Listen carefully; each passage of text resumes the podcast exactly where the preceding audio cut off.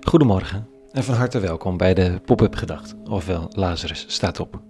Tof dat je luistert naar deze overwegingen. Het zijn gedachteoefeningen op de vroege ochtend. Deel van mijn zoektocht naar de dagelijkse relevantie van die christelijke spiritualiteit en de teksten van de Bijbel. Nu eens associatief, dan weer meer interpreterend. Vandaag met de titel Wat je te vertellen hebt. Pop-up gedachte dinsdag 25 mei 2020.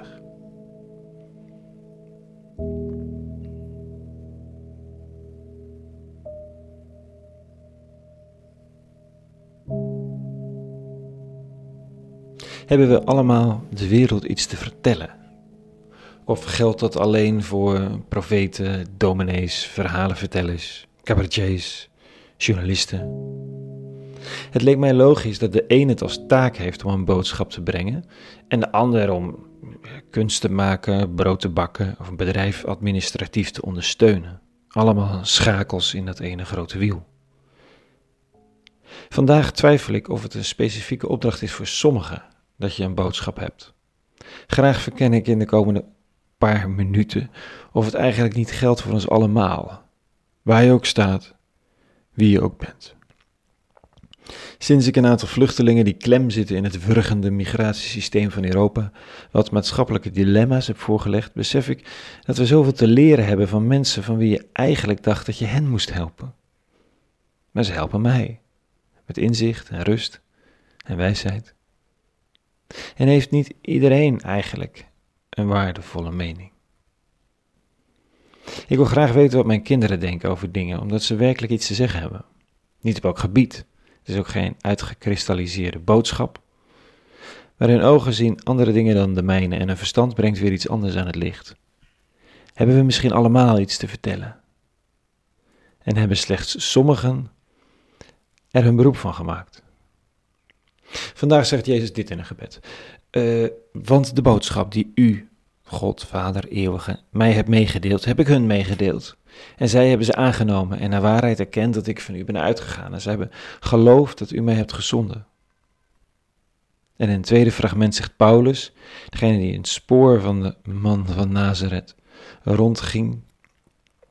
Gij weet hoe ik vanaf de eerste dag, zegt hij tegen zijn luisteraars, dat ik in Azië kwam, al die tijd onder u heb geleefd, hoe ik de Heer in alle nederigheid heb gediend, hoe ik niets wat nuttig kon zijn heb nagelaten u te verkondigen en te leren, in het openbaar en bij u thuis.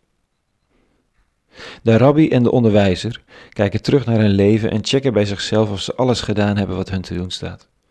En dat had alles te maken met wat ze de wereld te vertellen hadden.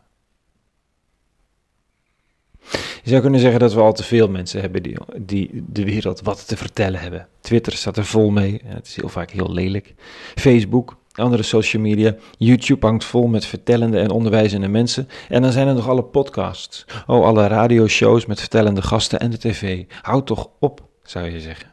Als iedereen vertelt, dan luistert er niemand. En het is waar wie niet kan luisteren, heeft niets zinnigs te vertellen. Maar misschien is het wel niet zo dat er sommigen de taak hebben te vertellen en anderen de taak hebben te luisteren. Misschien is het voor iedereen wel noodzaak om te leren luisteren en vervolgens te vertellen wat je na luisteren en wijsheid vergaren hebt gevonden. Misschien is onze overkill aan social media wel een bewijs van de behoefte en de taak van de mens, om allemaal in zekere zin tenminste ook verteller te zijn. En dat iedereen zich aan het eind van het, van het leven zou kunnen afvragen: heb ik verteld wat ik te vertellen heb? En heb ik dat goed gedaan?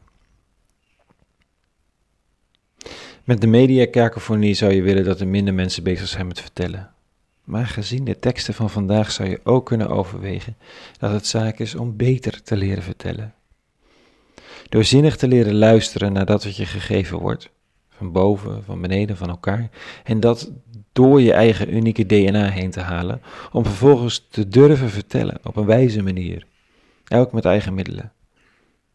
En nee, dat hoeft niet altijd bij een talkshow aan tafel. Dat kan ook aan de buren in je straat, aan Ahmed in de moskee om de hoek, in gesprek met vluchtelingen aan onze grenzen of juist in een net betrokken huurhuis in je wijk. Misschien heb je maar aan één persoon even echt iets te vertellen. En dan is dat de vraag uiteindelijk. Heb ik dat wat ik te vertellen had met overgave mijn eigen gemaakt en met moed en wijsheid gedeeld? Misschien is dat dan maar de vraag van vandaag in het spoor van Paulus en van Jezus. Een hele goede dinsdag gewenst en vrede, wijsheid en alle goeds.